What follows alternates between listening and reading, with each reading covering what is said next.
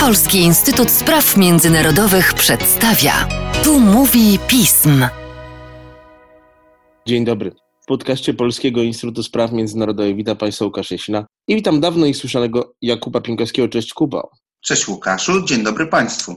A Kuba to te regiony naszego kontynentu, które choć geograficznie Polsce bliskie, to ciągle zapominane. Bułgaria, o której parę razy nam tutaj w podcaście, a przede wszystkim także w swoich tekstach opowiadałeś, okazuje się być państwem z pewną niestabilnością polityczną. Wybory odbyły się przecież zaledwie kilka tygodni temu, a już 12 maja, czyli całkiem niedawno temu, prezydent Rumen Radew Zgromadzenie Narodowe rozwiązał, gdyż jak to bywa w państwach demokratycznych, nie spełniło swojego podstawowego zadania i nie wyłoniło nowego rządu. Wybory odbędą się 11 lipca. Pytanie pierwsze, dlaczego to wyłonienie rządu się nie udało?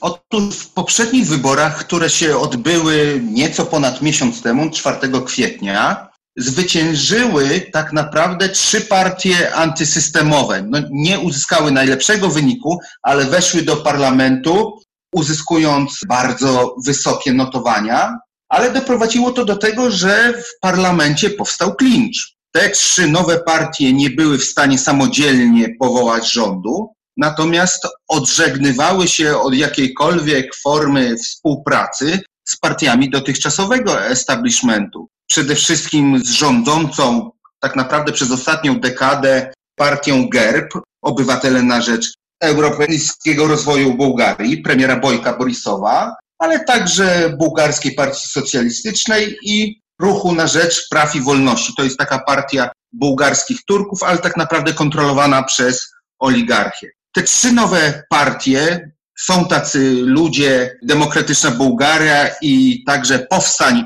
Precz, zarzucały partiom dotychczasowego establishmentu, że są odpowiedzialne za istniejący w Bułgarii system korupcyjny, no, który sprawia, że państwo to jest cały czas na szarym końcu w Unii Europejskiej, nie tylko jeżeli chodzi o poziom życia, ale także problemy korupcyjne, problemy z, z zorganizowaną przestępczością, no i także odstaje, jeżeli chodzi o standardy demokratyczne, zwłaszcza jeżeli chodzi o swobodę pracy dziennikarskiej. Jakie są nastroje przedwyborcze w Bułgarii? Tutaj te trzy partie antysystemowe dążyły do rozwiązania e, parlamentu ponieważ przewidują, że nowe wybory przyniosą im jeszcze lepsze wyniki, że wyborcy będą jeszcze bardziej zawiedzeni gerbem, jeszcze bardziej zawiedzeni socjalistami, no i to się przyczyni do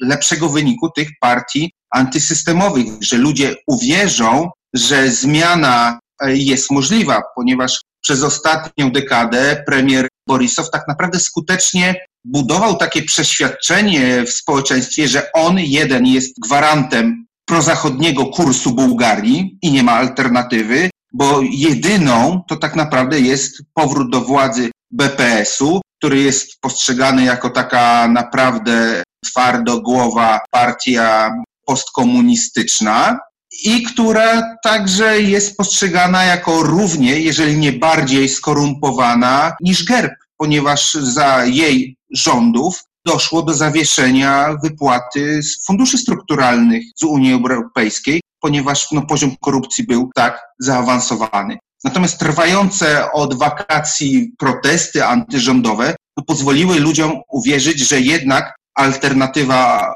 poza tym duopolem jest możliwa. No i te wyniki ostatnie tego dowodzą, ponieważ są tacy ludzie, uzyskała 17% głosów, była drugą siłą w parlamencie. Demokratyczna Bułgaria ponad 9%, powstań precz prawie 5%.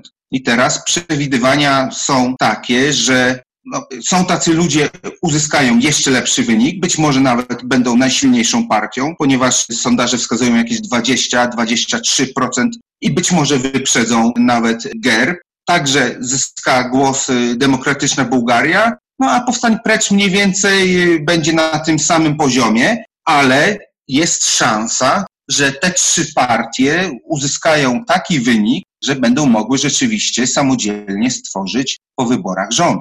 Mówiłeś o bardzo ważnej sprawie, jaką jest to, że społeczeństwo odkrywa nagle, że nie ma jednej alternatywy. Jakie byłyby ewentualne konsekwencje, albo będą ewentualne konsekwencje objęcia władzy przez te tak zwane partie antyestablishmentowe dla opozycji Bułgarii w Unii Europejskiej, w NATO? To jest, że te trzy partie tak naprawdę są za kontynuacją prozachodniego kursu, czyli dalszym zacieśnieniem integracji w ramach Unii Europejskiej, za dalszą ścisłą współpracą w ramach NATO. Jedynie można wskazać tutaj, że są tacy ludzie z racji tego, że to jest partia taka bardzo eklektyczna, skupiająca bardzo różne środowiska, jeżeli nie powiedzieć, że przypadkowych ludzi wręcz i odwołująca się partia do nastrojów populistycznych, nacjonalistycznych. Ta partia postuluje zbliżenie z Rosją, jeżeli chodzi zwłaszcza o sferę gospodarczą. Wskazują tutaj działacze tej partii, że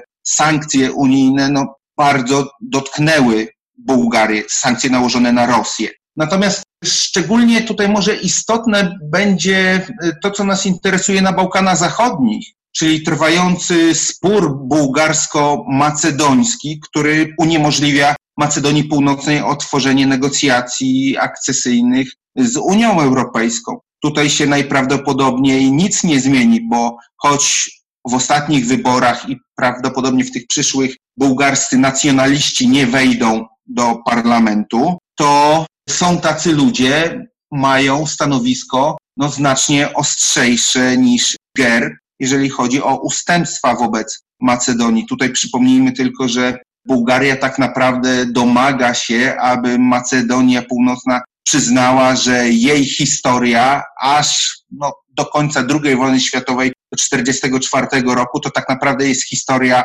Bułgarii i język macedoński współczesny, no to jest jeden z dialektów języka bułgarskiego.